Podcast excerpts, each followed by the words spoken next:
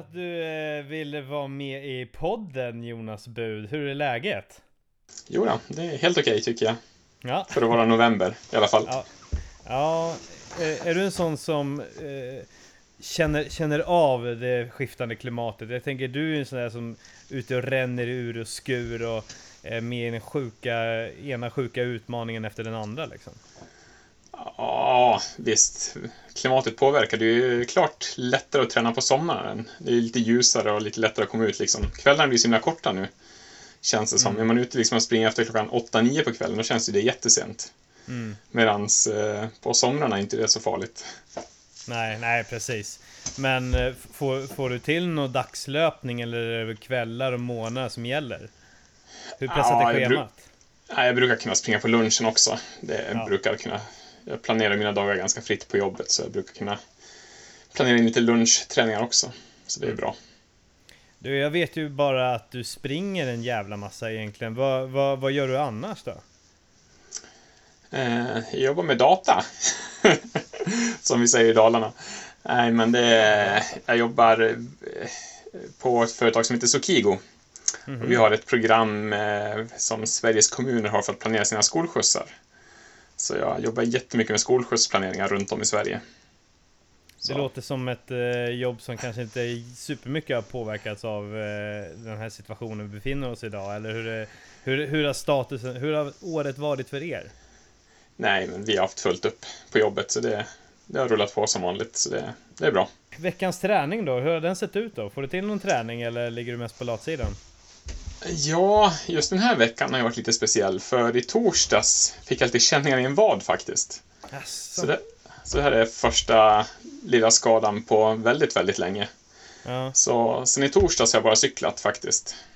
Ja, okay. Så, men jag tror det börjar kännas bra snart, så jag tar kanske en liten lätt joggtur imorgon igen och känna hur det känns. Gött. Är det det här eh så, så man liksom buntar ihop alla vadskador med eh, alltså gubbvad, är det det som spökar?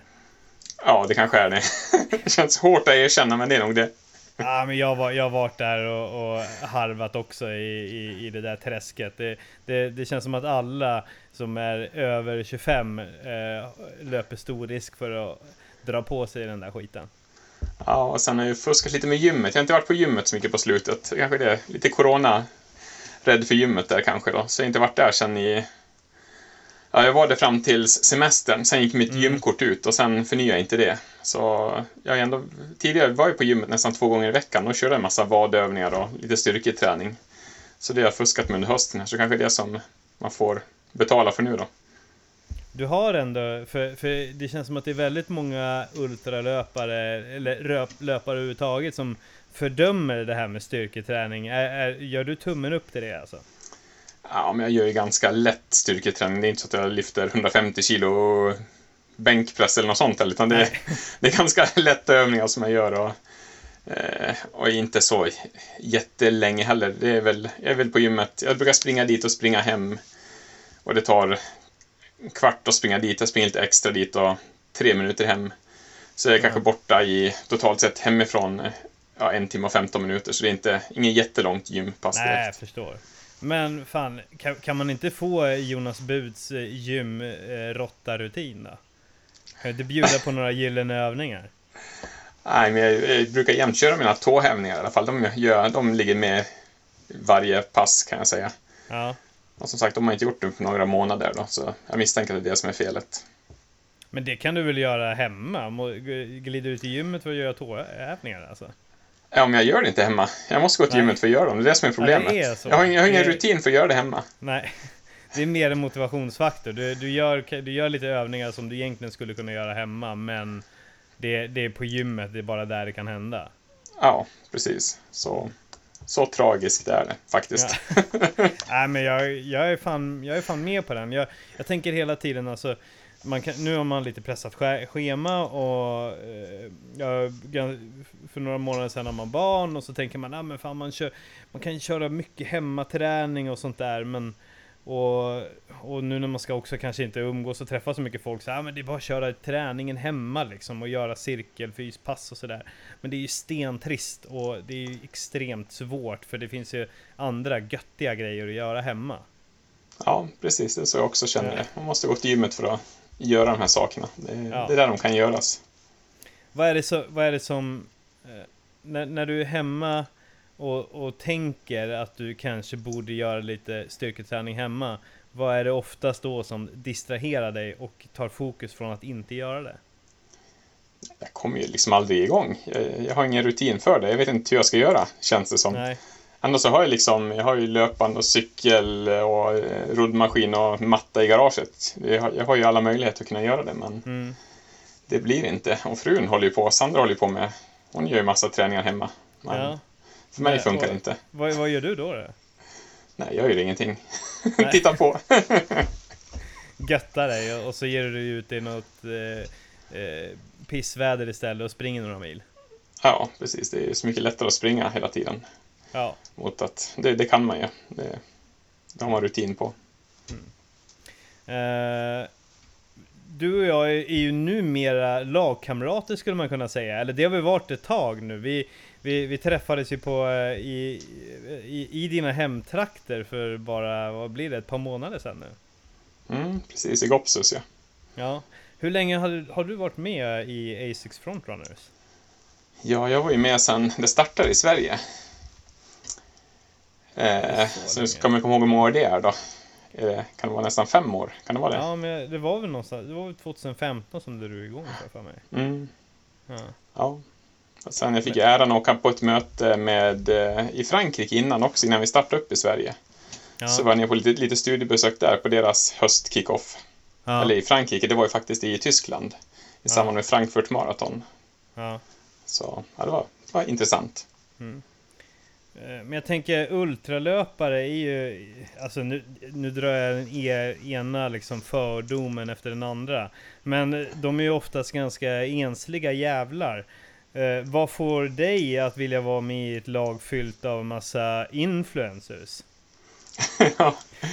Jo, men lite sällskap vill man ha ibland. Och någon att prata med någon att följa på de sociala medierna. Det är ju ett, Ja, en salig blandning av folk där, så det är ju kul att hänga med dem tycker jag.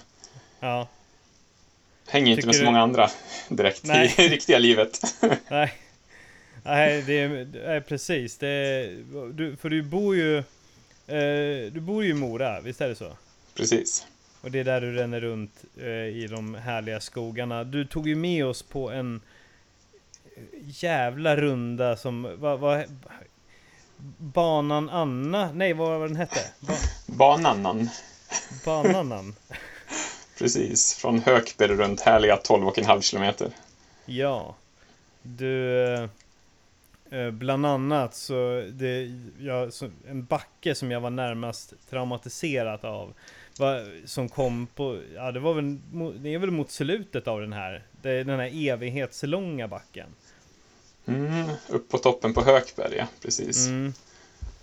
Den, eh, där fick man slita. Gillar du att samla höjdmeter? Ja, det gör jag ju. Det är, många av mina rundor går ju på bergen runt omkring här. Och jag springer jätteofta upp på ett berg som heter Rossberg och Karlsberg. Ja, Det är ju min standardrunda. Liksom den kan man springa när man inte hittar på något annat, då springer man den. Och den blir ju nästan varje gång. Så det, ja, det, det blir, blir, blir lite olika varianter upp mot den bara. Långt, Ja. Beroende på hur långt man vill springa då. Ja, Men det är från ja, en och en halv mil till tre mil kan man springa där ungefär. ja. Så den, den är riktigt bra. Ja, ja fint. Alltså, det är ju det är ju inspirerande miljöer du bor i. Alltså, man blev ju helt trollbunden. Nu, nu bor jag i Stockholm, är ganska nära Nackareservatet, så det är ganska gött det också. Men det är ju ingenting som går upp emot att springa i dina hemtrakter, det måste man ju få säga. Nej, det, är- det är fint här. Det finns liksom allt möjligt att springa också. Det är, det är lätttränat.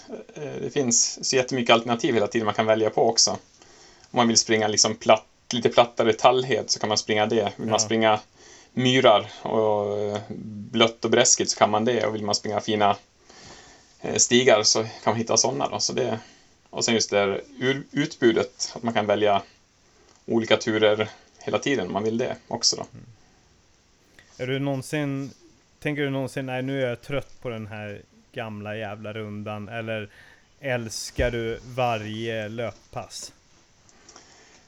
Nej, men nog älskar jag väl i stort sett varje löppass, det gör jag. När man väl kommer ut så. Det, det brukar inte vara något större problem att komma ut på dem heller.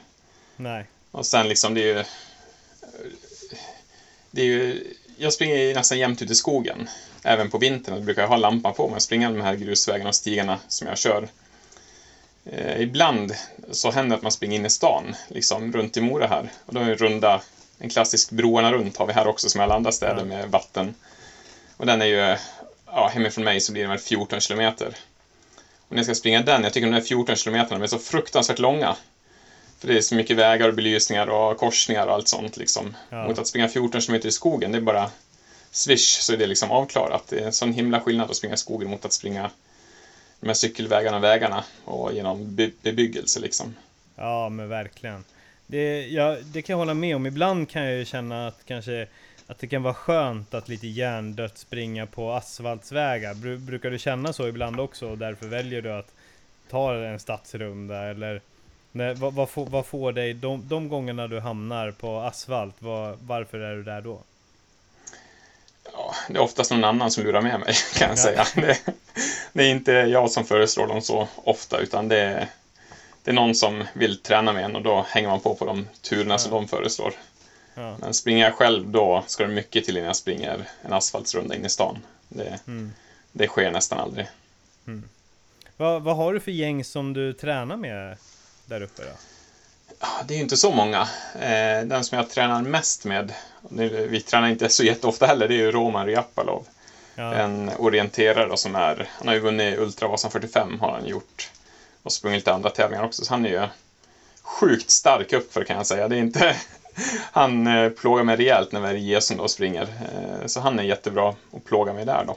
Mm, så det är väl, ja, det är han jag tränar med om jag tränar med någon kan jag säga.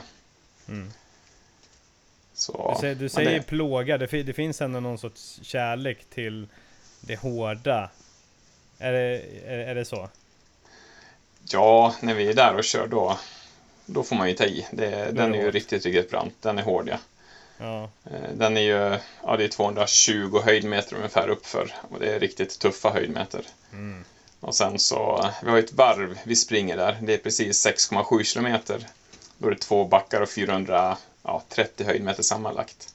Mm. Så jag är lite sugen på, om man ska köra Backyard Ultra, den är också 6,7 kilometer. Ja, så vi testade här för några veckor sedan och sprang, eh, jag och två kompisar. Inte Roman var med faktiskt, utan två andra kompisar. Ja. Eh, då körde vi en liten Backyard på den. Så vi startade ju klockan sju på morgonen och sen sprang första varvet och det tog 55 minuter och sen så höll vi på sådär. Vi sa vi försöker köra fem varv får vi se om vi grejar det då. Och det gjorde vi faktiskt. Ja. Men sen, alltså träningsverkan jag fick efter det, den var helt sjuk. det var länge sedan jag hade sån jätteträningsverk kan jag säga. Alltså den satt i en hel vecka. Så det var, ja den, ja det var inget, ja man kände att man levde efter det passet kan jag säga. Fan vad gött. Så jag är lite sugen till att kanske bjuda in till någon, någon lopp eller någon eh, evenemang där till våren här, eller till sommaren. Ja! Så får vi se hur många, hur många varv folk klarar. Ja. Om det är någon som du, klarar tio du, varv. Ja, du tror att det är någon som kommer göra det? Ah, jag och Roman sprang där i våras. Då sprang vi ju ja, fem varv också, men då sprang vi lite snabbare. Så jag tror... Eh, jag tror... Jag, ja, jag vet inte. Om eh, tio varv är nog en drömgräns, det tror jag.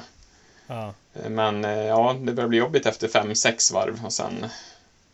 Ja, det ska vara kul att se. Kul att testa ja. sig själv också och se hur många varv man kan få till där. Ja, verkligen. Men eh, har du några ultralöpare på rak arm som du skulle vilja utmana att springa 10 varv där då? Och om vi säger hypotetiskt, det, det, blir ett, det blir ett lopp i vår. Vilka, vilka skulle du vilja se på startlinjen då och ta sig an den här rundan? Ja, visst, det finns jättemånga, men jag tror ju som sagt Roman, som vi har här i Mora, han är ju så sjukt ja. stark upp för jag tror han skulle kunna springa. Han skulle bli den svåraste konkurrenten, helt klart. Mm. Mm. Eh, Men sen, jag vet inte, El och de här i Gävle, de har ju bara platt. De kan ju inte träna i de här backarna. De är ju körda, körda från start. Det är så alltså? ja, det tror jag. Ja. Eh, I och för sig, de är Ja, där- år och tränar en hel del också, men... Nej, det, ja. Jag får se Ja, vilka. Jag får Ja, det- skjuta ut en kallelse får vi se ska de- vilka Det där som ska de kommer. få höra ändå, så får vi se ifall de triggas igång av det här. ja, Det är lite hets tycker jag ändå. Det är gött. ja, det är bra. Ja, riv upp, riv upp rivaliteten. Det är perfekt. ja. Ja. Men Mm. eh, du sa att Roman är en orienterare. Eh, det har ju du också varit, visst är det så? Precis. Jag är också orienterare en gång i tiden. Eh, Ja, det var ju det, så jag började egentligen. Jag började ju tidigt med orientering. Jag sprang faktiskt fem dagars i Falun redan 1985. Så det var Okej, ganska länge sedan. Ja, Och sen sprang jag orientering hela tiden, ända tills jag råkade halka in på löpningen då. ja. Så det var ju Hur, när jag hur, var... hur råkade du hamna in på löpningen då? Ja... Eh, eh, ja, vart ska vi börja? Egentligen, jag sprang ju faktiskt ett terräng-SM när jag var 22. Ja, också, som jag blev tvåa på faktiskt. Men eh, jag vet inte, det var inga som höll på med löpning i Mora. Så eh, jag fastnade inte för det ändå, utan jag fortsatte med orientering. mm, Så det var egentligen först när jag var 30, det 30-årskris där som eh, kom på att det vore kul att springa en mara. ja. Så då eh, anmälde vi oss till New York Marathon, Ah, helt ja. enkelt. Eh, så jag och min fru åkte över dit och sprang det. Och det gick ju hyfsat Fantastiskt bra. lopp alltså. Ja, ja, det är riktigt mäktigt. Ja. Eh, för jag hade ju sprungit Lidingölopp och lite sådana lopp innan, men aldrig någon mara innan det då. Nej. Och eh, jag sprang den på 2.36. Och då konstaterade jag att det här gick ju bra. Det här vill man ju försöka förbättra. Mm, Och sen så blev det några maror till och man förbättrade tiderna lite allt eftersom där då.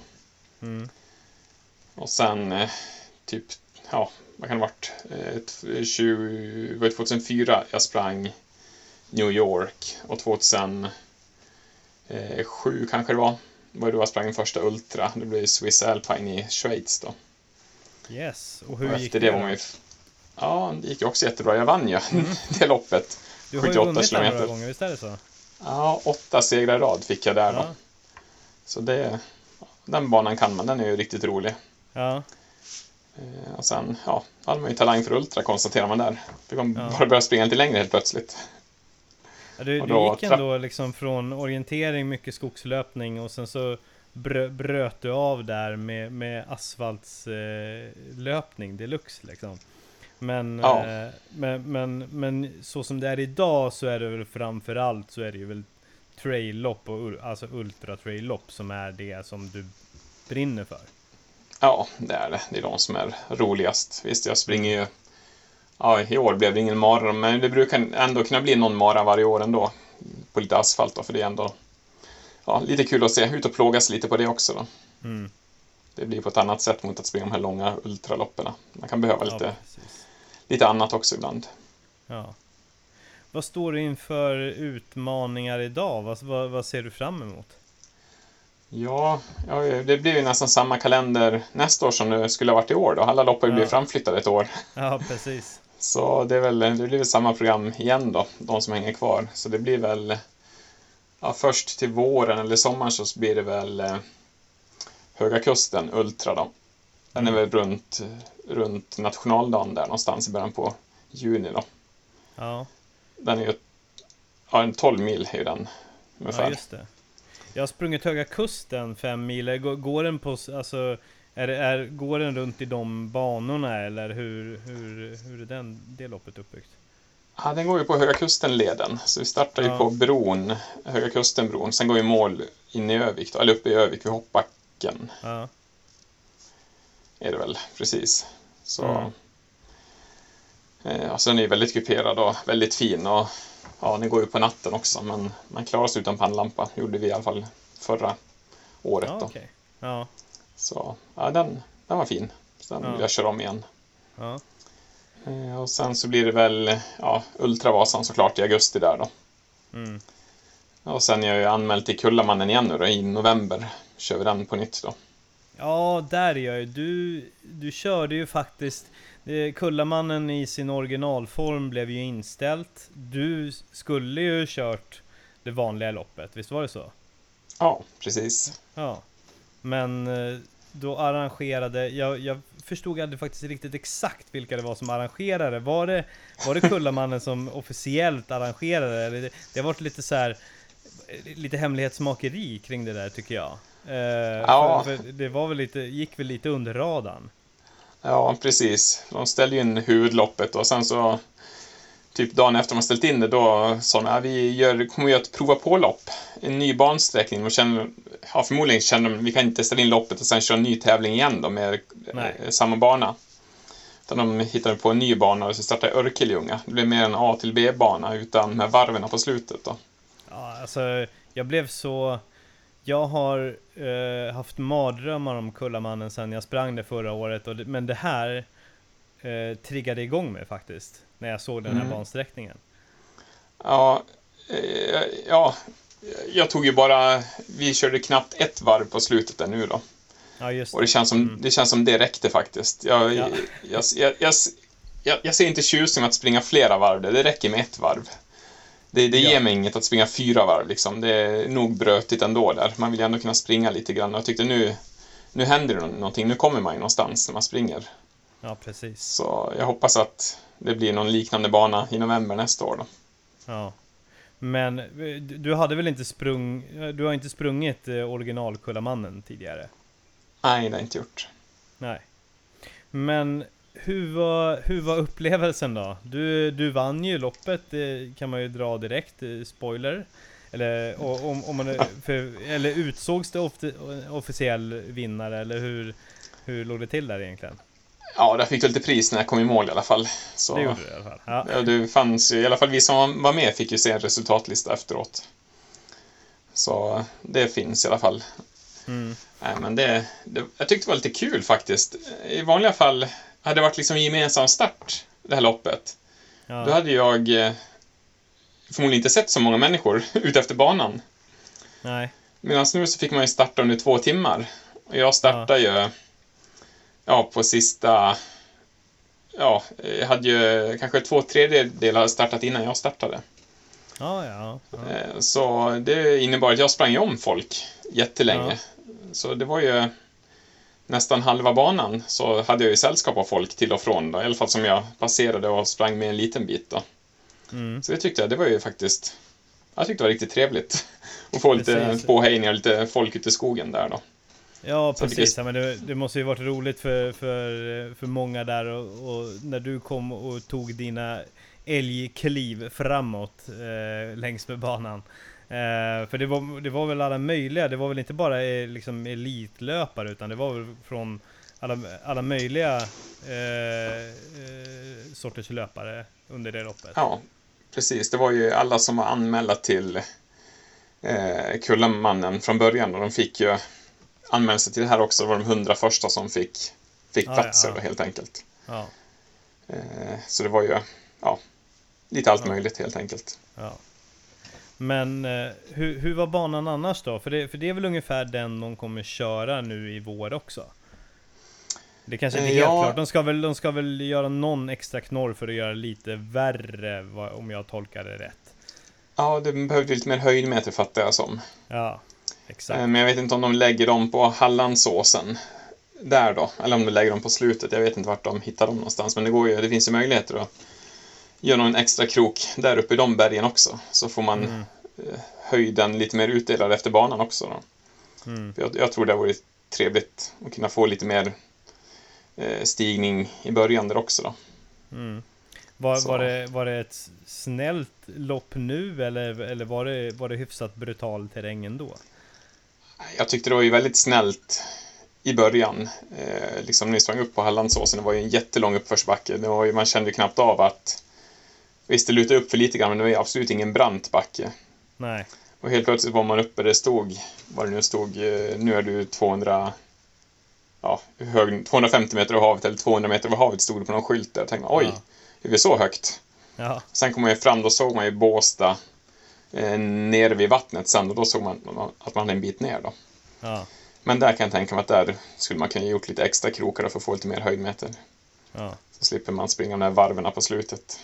Ja.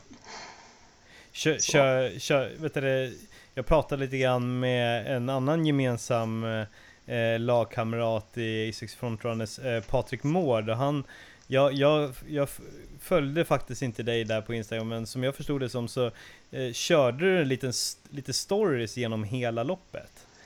Det, kan, det måste ju betyda att du inte körde all in, eller, eller hur, hur var det där?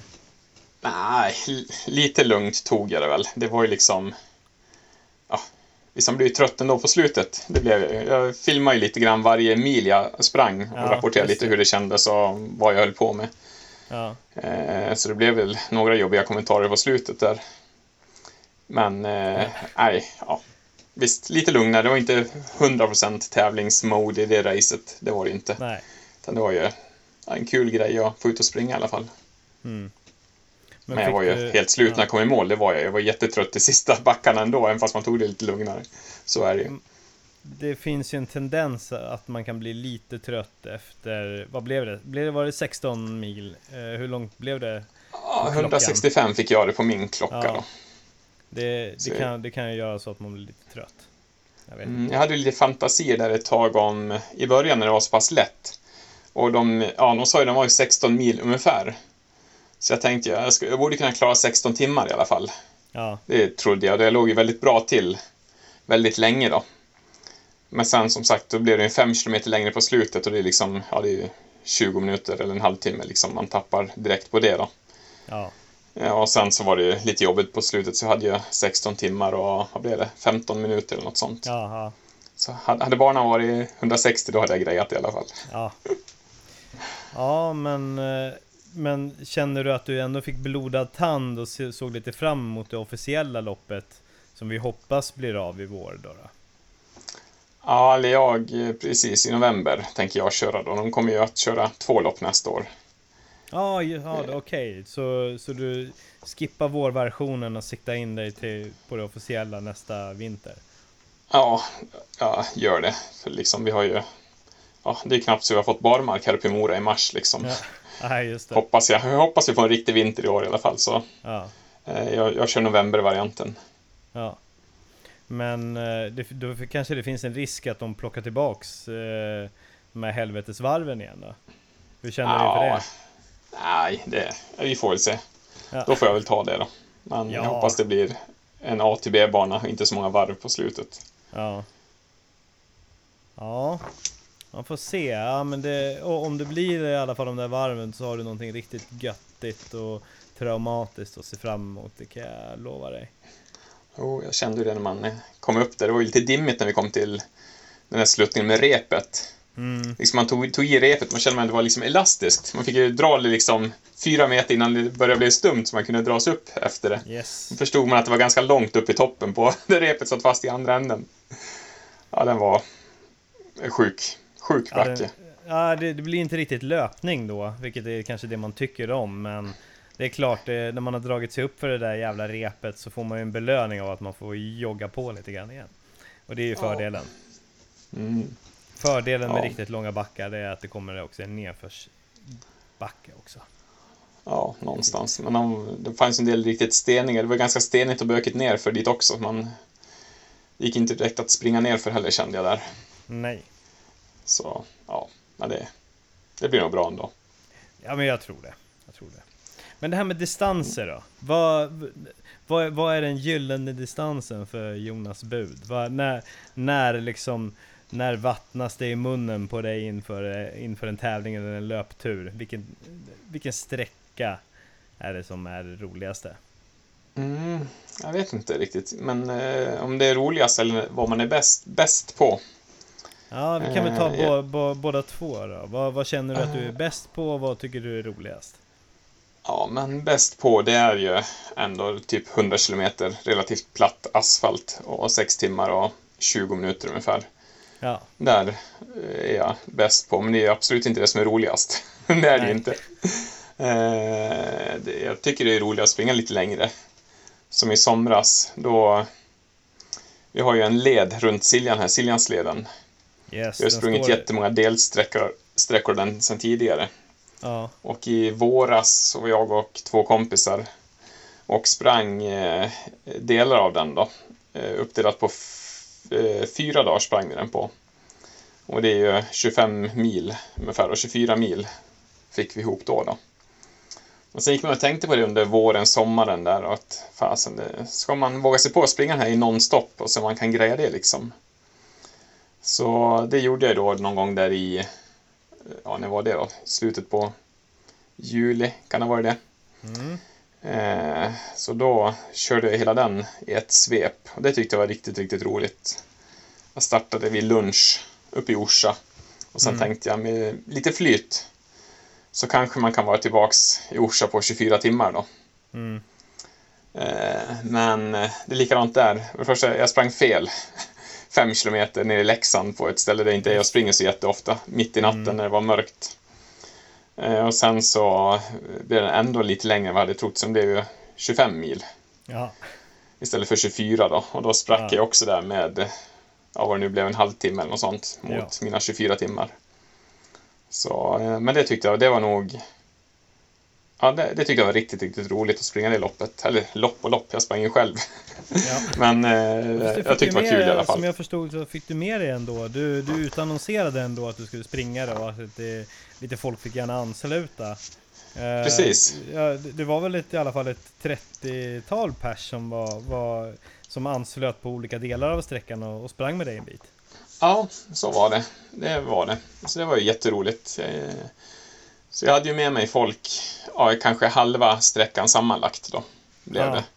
Men tyvärr ingen där jag sprang fel mitt i natten i Leksand. Nej. Men jag hade ändå med mig folk väldigt sent in på natten. Jag tror den sista klev av vid, ja, efter klockan ett på natten i alla fall. Och sen var jag själv mellan ett och klockan fem på morgonen kanske.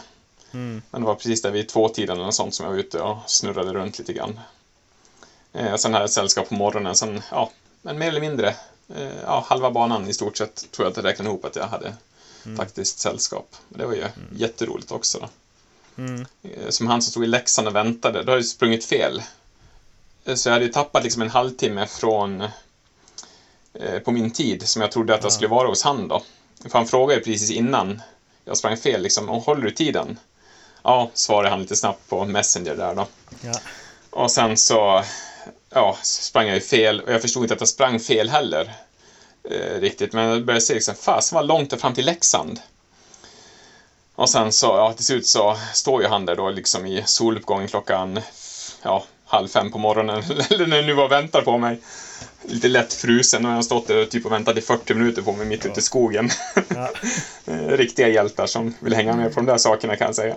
Ja, det, det fantastiskt. är häftigt. Ja, ja. Hur kan ditt humör se ut under en så här extremt lång utmaning? Är du, håller du dig i liksom eh, humörbalans hela tiden? Eller kan, kan du liksom ha, liksom bara när du är mitt ute i skogen, du har börjat springa fel, kan du börja hata det då eller blir du bara lite lätt irriterad? Hur, hur mycket svänger humöret? Ja, då får du se min Insta-story från Kullamannen där tror jag. det är några humörsvängningar där också. Oh, Eh, men oftast är jag. positiv och glad i alla fall. Det är jag. Men eh, någon gång så får man någon liten svacka och tycker att det funderar vad man håller på med. Ja, Men eh, ja, man glömmer av det ganska fort. Så det är bra att ha lite videoklipp hur man upplever det. Så man kan kolla tillbaks på också. Då. eller hur? Men eh, det, ja, Ja, jag tror jag är ga- ganska positiv och glad på de Ja. sakerna i alla fall. Det ska nog mycket till innan jag ledsnar ur helt och hållet. Mm. Blir du bitter på dig själv eller blir du bitter på andra? Hur, hur tar det sig uttryck? Nu återigen, jag hade ju kunnat sett dina stories men Men eh, ställer frågan ändå liksom. Vad vad Ja. vad blir du liksom Vad går du till angrepp mot? Nej, det är väl kanske man funderar väl vad sjutton man gett sig in på. Varför Ja. håller jag på med det här för? Ja, Då får man ju tänka en och två gånger till att ja, men det är ju det är ändå ganska kul liksom. Eh, Fast även om det känns väldigt pissigt och jobbigt just nu så gillar man ju ändå det här och det kommer ju bli bättre framöver förmodligen. Ja. Och det är ju jäkligt skönt att komma mål och känna sig nöjd efteråt. mm. Komma tillbaka och brutit, det är ju inget man vill göra. Det, Nej precis har man gjort någon gång för mycket. Mm. När bröt du ett lopp senast då? Minns du det? Eh, ja, jag vet inte. Jag vet i alla fall den jobbigaste brytningen som jag ångrar mest i alla fall. Eh, det var på UTMB. Ja. Eh, när kan det ha varit då? 2013 kanske det var. 14, 2013, 14 någon gång där. Då har ju sprungit året innan. Då var det riktigt risigt väder, så banan blev nerkortad. Så det blev bara 11 mil istället för, eh, ja, vad det nu är, 16-17 mil. Ja, då. just det. Mm. Eh, Så då blev jag ju tvåa det året. Mm. Eh, Sen kom jag tillbaks året därpå och tror, fan det här, nu jävlar ska jag vinna det här skitloppet ungefär. tror man. Eh, Jag har glömt av att det är ganska många duktiga fransmän och italienare och Ja. allt möjligt som står på det loppet. Det är ju världens bästa löpare som står där bredvid. Eh, Som bor i de här miljöerna. Jag bor i Mora, i Gesnaberg, till två, 200 höjdmeter. Här pratar vi 2000 höjdmeter i stigningen. Det, är liksom, det går inte att jämföra riktigt. Mm. Eh, Men jag öppnar, hänger med ganska bra. Eh, Kommer... Ja, jag kör mitt race i början där och sen kommer eh, till 7-8 mil in i loppet och känner liksom att nästan så benen viker sig i backen. Man är helt färdig. Ja. Eh, Men jag ligger ändå hyfsat bra till. Men sen så kämpar jag på fram till Champek Lac. Då är det 4, 42 kilometer kvar, en mara kvar. Mm. Men då har jag liksom gått och intalat mig mentalt att det är så jäkla tråkigt, jag skiter i det här liksom, jag är less på allt, varför håller jag på med det här liksom? Bara, bara negativa tankar har man gått haft Ja, i huvudet i fyra fem timmar. Men liksom, det är ju knappt någon som har sprungit om mig. Jag är fortfarande topp 10 när jag kommer fram till Champek Ja. Jag bara slänger stavarna, slänger ryggsäcken och säger åt dem som är och supportar mig, nej, nu skiter det här, jag, kom, jag tar mig inte en meter till. Men känslan jag har då i huvudet är att jag, jag kommer ju dö i nästa uppförsbacke. Det är liksom det Ja. jag tror. Eh, men eh, ja, så där bryter jag ganska snabbt. Eh, Ja. eh, jag hade ju kunnat satt mig ner i kontrollen och liksom vilat och väntat lite, liksom ätit lite, liksom börjat om. För liksom under den tiden jag var kvar i Champek Lac innan vi hade åkt bilen därifrån, då hade det kommit typ fyra, fem löpare till. Ja. Som också var jättetrötta. Men de Ja, ja. bröt ju inte. De trodde inte att de skulle dö liksom, utan de gick ju Nej. vidare. Så eh, ja, den, den brytningen, den eh, suger. Den, Ja. den hade jag väl haft ogjord. Ja. Och sen bara de väl hade brutit sen liksom, sätter sig i bilen, tar av sig nummerlappen och sen åker ner och stannar och kollar på Xavier som vinner det året liksom i några mil senare när han kommer Mm. ner på andra sidan dalgången då, på väg upp där liksom. Jaha, det här var ju inte speciellt kul att sitta i bilen och se när alla andra springer liksom. Nej, då, nej, nej. eh, Redan där ångrar man sig liksom. Ah, vänt tillbaks bilen, jag vill fortsätta där jag klev av Ja, ungefär. eller hur. Men, Fan, ja, det känns som att det... Ja, absolut att du var trött, men där måste du ju hamnat i någon sorts skitmental loop alltså. Som eh, ja, måste varit jävligt svår att ta sig ur. Det hade bara behövt vara någon som gav dig en lavett där eller någonting. ja, någonting. Och sen eh, det var ju så himla långt mellan kontrollerna. Det var Ja. ju... Ja, från det att jag hade min support i Colmagör i Italien då. Och sen så var det ju typ nästan åtta timmar tills jag skulle träffa dem nästa gång då. Ja, Jag hade nog behövt haft någon, någon där. Ja, någon mitt, mitt på den sträckan som hade Ja. pratat med mig lite grann ja, och fått mig på bättre tankar. Men det... Nu hade jag dåliga tankar i typ sex timmar där och det, det tog jag mig aldrig ur. Det, det är ju tufft alltså. Det, eh, och okej att man kanske får en någon timme eller något sånt där, men det där det, det är ju extremt och då är det ju fan inte konstigt att man kastar in handduken även hur jävla surt det än är liksom. Ja. Kan du älta det än idag? Ja, lite grann. För jag, hade ju, jag har ju aldrig sprungit hela UTMB-banan. Liksom. Nej. Jag har inte gjort det. Jag var ju an... Eh, precis. Jag hade ju tänkt samla poäng i år nu då, för att kunna Ja. springa igen Ja, då. Men det. Sket ju det sig med alla lopp och sen vet jag inte, alla mina gamla poäng har väl också rasat bort nu. Så nu är man på ruta ett igen kanske. Jag Ja. vet inte hur, hur det går till nu då. får man ju springa massa Nej. lopp igen då. Ja, precis. Ja, det är väl, alltså hur, vad, vad är det som krävs ungefär för att få, eller, eller liksom, är, är det, hur, vad, är du med, du, måste du också vara med i något så här lotteri? Man samlar poäng och sen är man med i ett lotteri eller, eller hur funkar det för dig?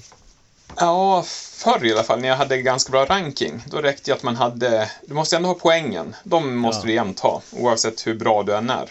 Ja, Så måste du ha poängen då. Men då kan du ju ja, få en fri lejd genom lotteriet i alla fall. Om du har Ja. bra eh, ITRA-poäng eller om du går på för något. Om man är bra rankad då. Mm. Eh, Men jag har inte ens haft poängen på slutet, för det är ganska tuffa poäng. Du måste ju ha några hundra milar eller lite andra lopp liksom. Och de ja. snyter man inte ur sig liksom hur lätt som helst. Det krävs ju ändå en del för att ta sig runt dem också. Är det en 300-400 milare man måste göra innan man kan typ ens vara med i... Alltså, Ja, det är tre lopp du måste ha. Och Ja. ja. rent krasst så måste nästan två av dem vara en 200 milare nästan. ja, det är helt... Va, ja. Det, det, det är på två år du har att samla dem där då. ja, det är två år, okej. okej. Ja, det är det. Ja, då, ja, då, kan, då kan det ju vara hanterbart, men ändå det är ju ganska, alltså efter ett, jag, jag vet inte hur, du är ju så rutinerad, men jag menar efter ett 100 miles lopp så är, är man ju inte supersugen på att göra det liksom ett par veckor senare igen direkt. Nej, det, det tar ju lite tag. Och sen Ja. vill man ju ändå... Ja, man kan inte bara springa igen som träning heller. liksom, det- de sliter ju jättemycket både mentalt Ja, ja, och fysiskt. precis. Liksom. Det, så man lär ju ta dem som riktiga race. Ja. Ja, precis. Ja, Mm. Så ja, ingen mer brytning där i alla fall kan jag säga. nej, nej. Så det är väl den tuffaste brytningen jag gjort. Jag brukar inte bryta så ofta annars faktiskt. Så jag brukar kunna hålla ihop det. Ja. Vad är, vad är ditt, om vi går, går bort från det här med brytningar och negativa tankar och grejer och fokuserar på någonting mer positivt. Vad är, vad är din eh, största, härligaste och gladaste upplevelse från ett lopp? Eh, Ja, från ett lopp är svårt, men liksom... eh, Ja, vi går tillbaka till ett negativt igen. då. 2014, slutet, jag Ja. var ju skadad. Jag Ja. hade en stressfraktur på bäckenbenet och inte kunde springa så mycket. Men sen liksom återkomsten 2015, den var ju helt fantastisk. Alla löppass då, liksom, då som man sprang på moln. Liksom, eh, man blev inte ens trött. En helt Mm. annan känsla som man aldrig liksom upplevt förr. Eh, och sen eh, avsluta det med ja, Ultravasan, kunna springa den på 5.45 i 3.50 fart då, i augusti. Just. Och sen tre, tre veckor senare få bli världsmästare på 100 kilometer då, efter ha samlat på sig fyra stycken silvermedaljer innan. Så liksom den, eh, de där veckorna i augusti och början på september där 2015, de är ju de slår ju allt annat, det kan jag säga. Mm. Vad, vad var det du körde först? Var det först Ultravasan, sen 100 km VM? Eller var det Ja, tvärtom? precis. Ja. Nej, först Ultravasan, sen 100 kilometer. Då. Ja.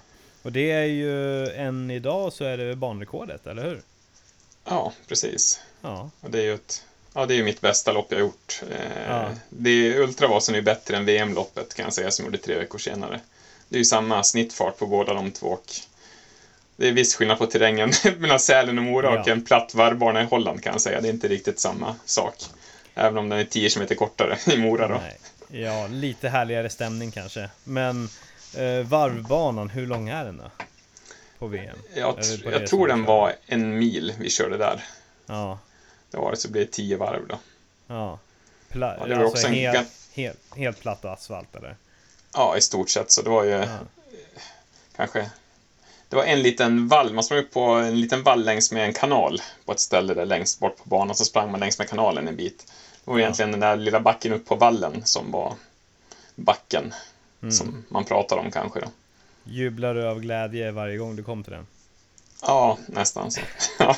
Ja, nu Det händer någonting. hände någonting. Ja, Ja. precis. Ja, Ja. Nej, och sen var det ganska häftigt just det där VMet. Eh, För jag hade inte riktigt bestämt mig för att springa VM heller. Eh, Det var ju Ultravasan som var liksom i fokus från början. Eh, Och sen började jag känna innan Ultravasan att fanns jag är i riktigt bra form. Jag kan nog springa bra på Ultravasan. Men att jag skulle springa på 5.45 det trodde jag liksom inte fanns på kartan överhuvudtaget. Nej, nej, nej, nej. Så jag bestämde mig egentligen att springa VM ja, direkt efter målgång på Ultravasan. Att ja, vi kör VM också då. Nu, För jag var ju ändå, jag var ju ändå anmäld till det då. Ja, Mm. precis. Men sen är det ju liksom svårt, okej, hur tränar man tre veckor nu då innan VM? Jag har inte sprungit så mycket asfalt innan Ultravasan. Jag sprang ju bara i skog innan där då. Ja, ja. Och i vanliga fall så brukar jag vila en vecka efter loppet och brukar trappa ner träningen en vecka innan loppet. Ja, hur nu då? Ska jag bara träna en vecka de här tre kommande veckorna? Hur lägger man upp det här? Så det var också lite spännande. ja. Så Hur det blev väl då? tio, ja, det blev för tio dagar med hyfsat bra träning där och, och två lite längre pass och framförallt blev det väldigt mycket asfalt där då. Mm. Och sen vet man ju, är man i sitt livs form, eh, man tappar inte den formen på tre veckor heller. Någonting måste finnas kvar på Nej. VM också, tänker man ju. Precis. Och det, det gjorde det. Mm. Och just den här känslan redan när vi startar, jag känner att man... Precis, jag som kontrollerar fältet, liksom ingen som ens försöker utmana i början, där, utan jag som styr farten helt och hållet. Ja, Och tanken var ju, eh, jag visste ju att jag kan springa ultra, och sen 3.50 fart så borde jag kunna springa 100 meter platt i 3.50 fart. Så jag sprang och kollade på klockan väldigt mycket, liksom att försöka hålla den farten där också. Då. mm. Och springa jämnt. Och det passar mig väldigt bra att springa jämn, jämn hög fart. Då. ja, Så de klev av en efter en.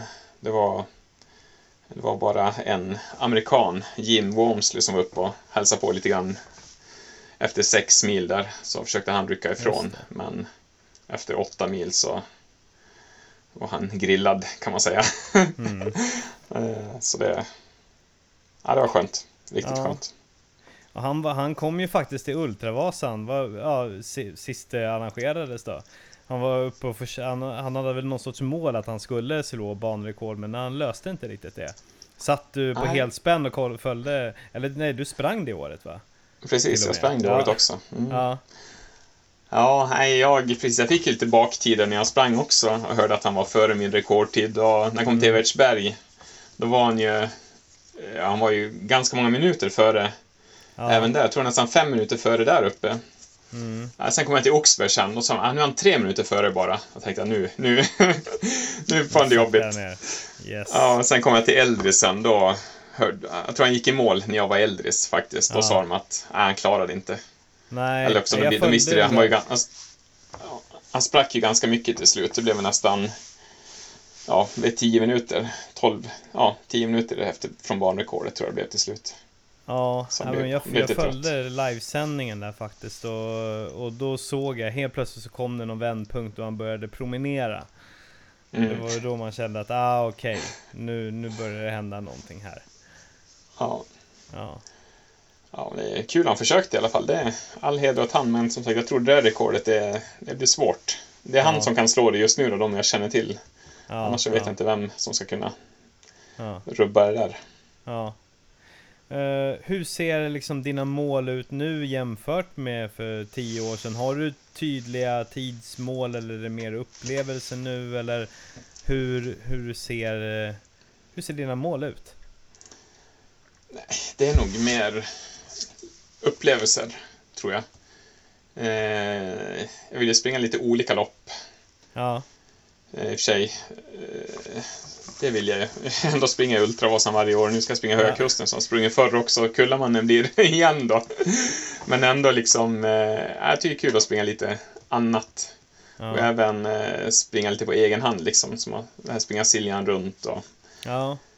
och lite sådana saker. du fick, du fick ju, visst fick du fastest known time på Siljaleden nu också? Ja, precis. Så nu får någon försöka ta den då. Ja, Men eh, alltså när man... Det är inte så att jag går ut satsar liksom hundraprocentigt att försöka bli bäst i världen på 100 km. Det gör jag inte.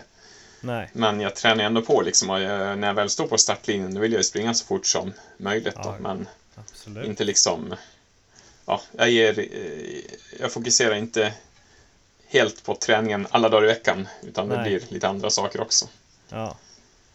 Så är Men, det men vad, vad, vilket, och du säger att du ser fram emot lite olika lopp och sådär. Vad, vad finns det för drömlopp som du känner just nu som du skulle vilja köra?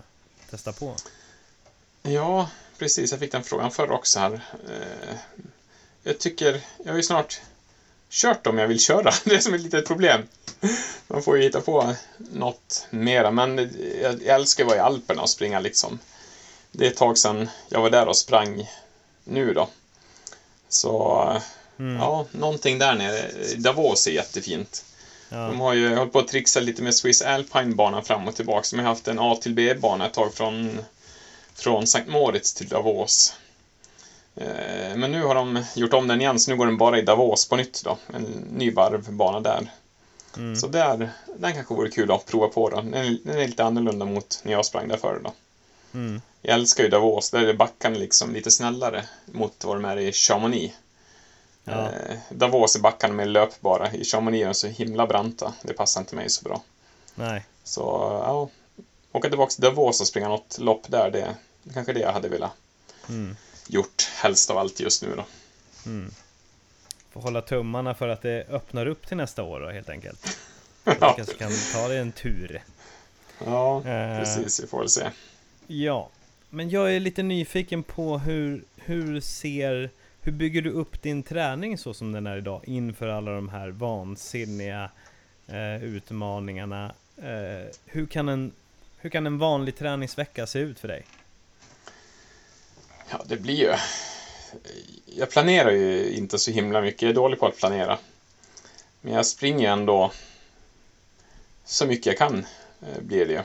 Ja, Eh, ja, det är ju mycket annat också. Barnen har ju sina träningar som måste Mm. också försöka planera in. Eh, de har ju de håller på med tennis, orientering och skidåkning. ja okej. Så det, det är ju det också. Eh, Det, just nu är det ju orientering och skidåkning på tisdagar och torsdagar. Sen spelar de tennis Ja, av tisdag och onsdag också då. Mm. Ja, Så lite labbande med det. Så brukar jag träna på, ja, när man vet att det är kört på kvällen, eller att man inte gör någon längre pass på kvällen, då brukar jag försöka springa på morgonen också då. ja, Så man får till lite löpning där då. Som i alla fall får ihop sina, ja, jag vet inte vad jag ligger på för mil nu, men eh, 12 mil i veckan i alla fall kanske, mm. kan jag tänka mig. Och sen så vill man ju ha något långpass, kanske varannan vecka upp mot, eller varannan var tredje vecka upp mot fem mil då, någon Ja, lång ja. tur. ja, Får man till det så är man väl ganska nöjd i alla fall. ja. Det tycker jag. Ja. Eh, så, ja precis, men Kör du någon struktur på dina pass eller är det liksom distans och känsla? Eller har du Ja. liksom, ja men nu ska jag ligga, nu är det tröskel, nu är det intervaller. Nej, absolut inga trösklar, inga intervaller, Nej. ingenting sånt. Men eh, visst, jag vet ju. Som sagt, jag vill ju köra ett långpass var tredje vecka, en femmilare. Och jag vet att jag vill ju till Gesen då, springa lite backe. Jag Ja, vill också försöka få in med lite jämna mellanrum. Så man vet ju ändå liksom vilka pass som krävs inom en viss tidsperiod. ja, För att man ska må bra och tycka det är skönt liksom. ja precis. Eh, fuskar man med Gäsnaberget då får man ju sjuk träningsvärk efteråt som jag fick Ja. när jag körde de här backyard-grejerna när jag inte har varit där på eh, några veckor då. Så man, mm, ja, alltså man vet ju ungefär vilka pass man bör få in i alla fall. mm, Men eh, det är inget som jag har skrivit eller skrivit ner på något sånt sätt utan jag sätter upp fingret när jag går utanför dörren och tänker på, ja, känner liksom åt vilket håll vinden blåser, vart, vad ska jag träna för någonting idag då?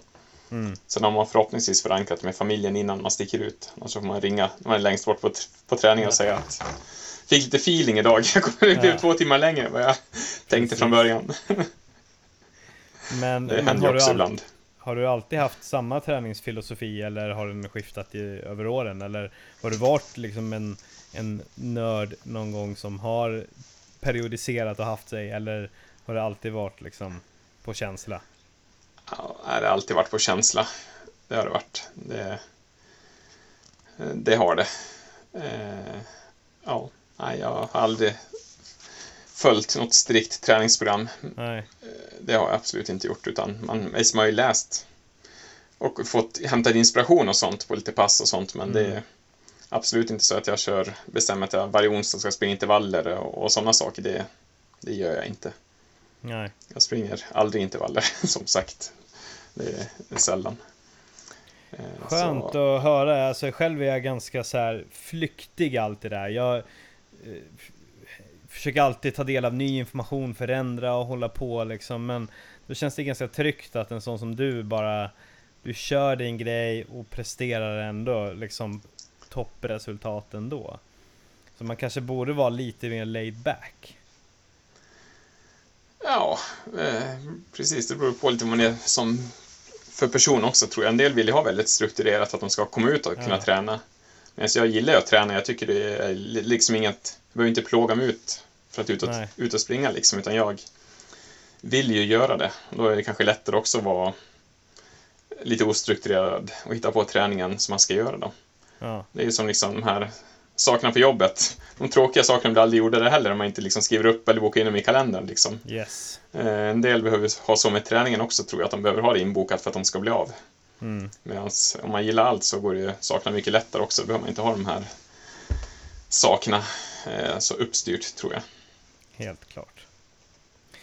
Men du, klockan börjar klämta. Eh, det börjar bli sent. Det är dags att kanske... Ja, jag kommer i alla fall ta mig en skål granola för att fira att vi har till slut fått eh, till den här podden trots att jag har strulat så inåt helvete. Jag glömde säga det. Jag skulle börja med att be om ursäkt för eh, att jag hållit på och bokat om och haft mig så många gånger. Riktigt orutinerat. Eh, men jag, jag tänkte att vi skulle se ifall du skulle kunna dela med dig av eh, kanske tre stycken eh, eller du får välja hur många tips du vill dela med dig av men, men till den som kanske ska ta sig an sin första 100 miles lopp eh, eller längre eller kanske Ultravasan eller vad det nu skulle kunna vara. Jag tänker det skulle kunna vara tips om träning eller liksom hur man bäst knyter sina skor eller vad man ska käka eller vad, vad som än du skulle kunna skicka med dig till våra lyssnare helt enkelt. Mm, precis. Eh, ja, som sagt, du säger knyta skor. Du var väl med på Gopsus där jag lärde dig att knyta skorna, eller är det det du tänker på? Ja, men jag, miss, jag har sett att du har lagt ut någonting på Instagram men jag var inte med Mm. då när du lärde ut det till resten av gänget. Jag missade den lektionen. Ja, det finns ett YouTube-klipp om inte annat hur man knyter skorna. Det, en, det får man lära sig som orienterare. Den är ju klockren. Eh, De går aldrig upp, skosnörena, och man kan eh, lätt dra upp dem genom att dra i snörena bara. Ja, Eh, Så den är helt fantastisk. Den, den borde alla löpare lära sig. Jag fattar inte att inte, att inte det ingår i löparutbildningen från början liksom. åh oh, fanken, alltså det här är ju jag missat totalt. Eller, eller jo, jag, nej, jag har sett det men jag har, inte, jag har inte tagit åt med det. Men då måste jag ju ta åt med det. Eh, vart Ja. hittar man det här tipset då? Hur, hur söker Ja. man sig till det? Ja, man kan nog googla på Jonas bud och skoknytning eller någonting sånt kan jag tänka mig. Jag, jag, jag söker på det i detta nu. Jonas Budsko, där har vi mot Ultravasan del 3. Ja, Idag så får du precis. lära dig att knyta skorna. Hur svårt kan det vara?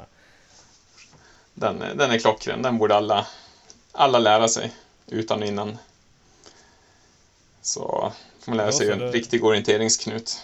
Ja, ja men det, då ska vi ta lärdom av det. Har du något annat spännande knep som du skulle vilja dela med dig av? Nej, men det gäller väl när man väl står på startlinjen för de här långa loppen. Det är ju att man ska helst gått igenom dem lite mentalt innan också. Veta att det blir jobbigt liksom. Inte, framförallt eh, inte börja räkna ner kilometrarna från start. Det tycker jag är livsfarligt. Mm. ju tänka att man har 158 kilometer kvar. Liksom. Det låter ju helt sjukt att man ska springa det är så jäkla vidrigt. långt. Ja. Ja. så man får ju liksom bara tänka ja, nästa delsträcka hela tiden. Mm. Och inte tänka liksom hur jobbet kommer att bli på slutet utan försöka bara ta till nästa kontroll eller nästa checkpoint eller Mm. eh, sådana delar. Det tycker jag är ganska viktigt. Mm. Ultravasan har ju, ja, Ultravasan har ju ganska naturliga uppdelningar liksom, men när, när du kommer till nya platser, hur, hur delar du upp då liksom? Eller du gör dina efterforskningar och därefter delar du upp sträckan? Ja, men lite grann som när jag sprang Kullamannen då. Där har jag aldrig varit på banan tidigare. Men då försöker man också liksom titta på kartan och se vart... Det fanns några checkpoints nu också där man kunde... Man kan skicka lite dropbags till... eh, Ja, var det till två ställen var det väl. Ja, då blir det självklart naturliga ställen också. Då har man redan där delat in banan i tre olika sektioner då. Ja, Då tänker man hela tiden liksom, ja, fram till första dropbagen, det är liksom del ett. Och sen, ja, då tänker man bara på det hela tiden och sen man har passerat den, ja då fokuserar man mot nästa mål helt enkelt. Men inte Mm. slutmålet förrän man passerar den sista checkpointen då. mm, Så det tycker jag, det hjälper mig ganska mycket. mm. Perfekt. Eh, superbra. Eh, men du, Jonas. Då vill jag tacka dig så mycket för att du tog dig den här tiden, den här eh, eh, mörka onsdagskvällen till att snacka lite grann med mig. Eh, det är sjukt inspirerande att se vad, vad du pysslar med, både Siljansleden och hur du bara forcerar på Kullamannen och det ska bli sjukt kul att se vad du tar dig an nästa år. Och jag hoppas att vi kommer kunna mötas på några av de här eh, härliga långloppen eh, nästa år. Och inte minst så kommer vi träffas i vårt eh, Asics Frontrunner team förhoppningsvis om den här lilla, eh, den här lilla pandemin lugnar ner sig. Ja, precis. Det får vi hoppas. Ja. Det tycker jag. Ja. Trevlig kväll Jonas Bud och eh, tack för att ni lyssnar. Ha det så bra! Mm, tackar! Hej!